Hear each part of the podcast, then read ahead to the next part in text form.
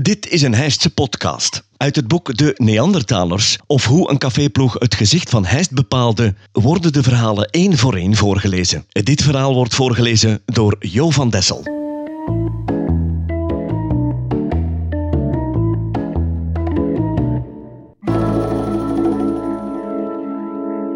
Brief uit het zuiden. De enige ware geschiedenis van het ontstaan van Jacob, het bier onze vaderen. Niets hiervan mag worden gekopieerd of op andere wijze verveelvuldigd worden zonder de toestemming van de schrijver.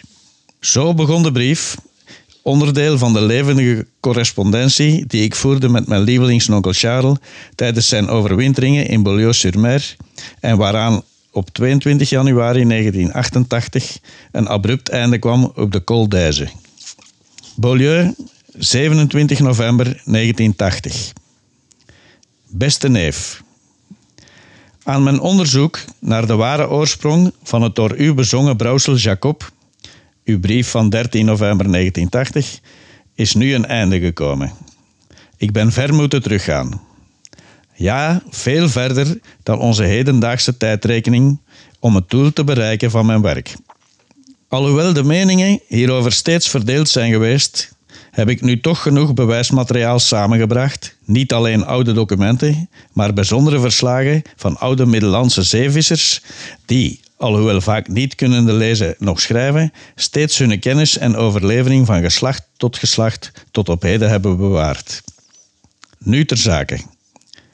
Schrik niet, beste neef, omdat ik terugga tot enige decennia na de zondvloed.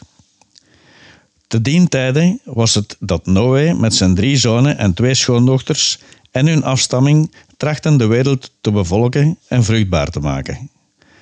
De namen van Noé's zonen waren Sem, Kam en Jafet. Nu was het zekere dag aan Noé gelukt een heerlijke drank te bereiden uit druivensap. Hiervan de kracht niet kennende, was hij beneveld geworden en in onbetamelijke houding aangetroffen door zijn tweede zoon Kam, die zijn vader de volgende dag bespotte met het voorgevallene. Hierdoor hevig vertoornd werd Kam door zijn vader Noé vervloekt en weggestuurd uit zijn huis. Kam ging zich dan vestigen in een hut in de bergen, niet ver vandaar. Maar niemand wist dat hij het parkament waarop de inhoud van de drank stond aan Noé ontfutseld had tijdens die zondige benevelheid. Kam leidde een eenzaam kluizenaarsleven en werd, zoals later zou blijken, zeer oud. Zijn eerstgeborene broeder, Sem, was inmiddels in het bezit gekomen van Noah's bezittingen in gevolge het eerstgeboorterecht. Sem had verscheidene kinderen en zijn eerstgeborene was Tara, die later de vader werd van Abraham. Zoals zal blijken uit het verloop der geschiedenis, bleven de mensen in die tijd verschillende eeuwen in leven. Bewijs hiervan, Abraham, tot dan toe onvruchtbaar, liet zich op 99-jarige leeftijd besnijden na een verbond met Yahweh en werd al dus vruchtbaar en trouwde met Sarah, uit wie Isaac is geboren. Deze had op zijn beurt twee zonen uit Rebecca, namelijk Esau en Jacob. Ze waren tweelingen, maar daar Esau eerst op de wereld was, had deze het eerstgeboorterecht. Esau verkocht echter in een lusteloze bui dit recht aan zijn broeder Jacob voor een schotel linzensoep. Deze feiten zijn trouwens algemeen gekend als geschiedkundig juist, evenals het voorgaande en hetgeen nog volgt. Isaac moest, zij het zeer bedroefd, zich neerleggen bij deze gang van zaken. En toen Esau zich opstandig toonde en zijn broeder Jacob, van wie hij altijd veel had gehouden, bedreigde, werd hij door Isaac uit de stam verdreven. Esau, die men de rossen noemde, wegens zijn haarkleur, vond onderkomen bij zijn stokoude over, overgrootoom Kam, de zoon van Noé. Deze heeft dan op zijn sterfbed het bewuste perkament met de samenstelling van de drank aan zijn achterneef, de rosse Esau, gegeven met de woorden: Verlaat dit land waar men u vervloekt. Vestig u meer noordwaarts en bereid daar deze drank. Hij zal u vreugde en sterkte geven. Esau, de rosse, heeft dan deze raad opgevolgd en is noordwaarts gereisd, dagen en dagen, tot hij is aangekomen in een streek Gallië genoemd. Hij is al daar later getrouwd en had er verscheidene kinderen. Daar hij de naam de Rosse had behouden, werden zijn kinderen naar hem Van de Rosse genoemd.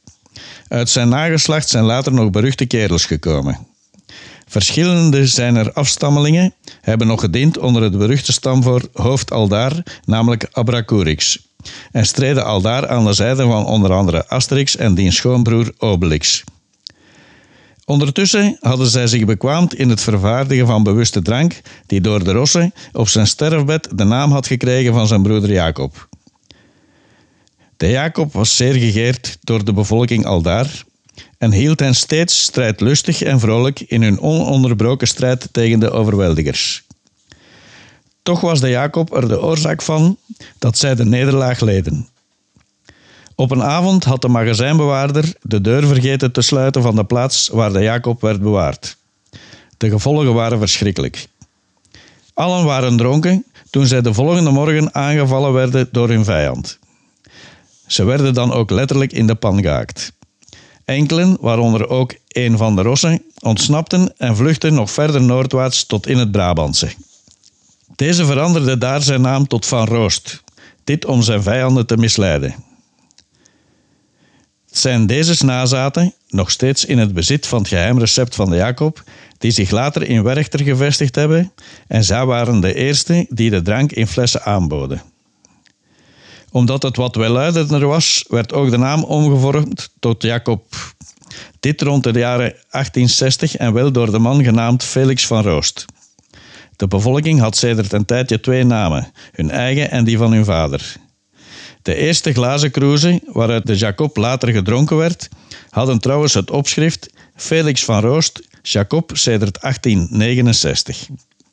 Van deze glazen zijn er nog bewaard tot op heden, maar worden niet meer gebruikt gezien hun onmetelijke historische waarde.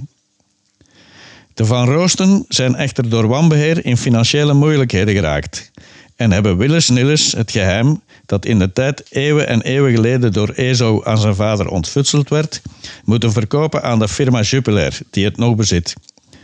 Of de Jacob heden ten dagen nog zoveel gedronken wordt, zou ik misschien beter aan u vragen, want dat is weer een andere studie op zichzelf, nietwaar? Hopende u hier maar van dienst geweest te zijn, groet ik u met hoogachting, oom Karel. Zo ging dat in die dagen. Vol spanning zitten wachten op een bericht uit het zuiden.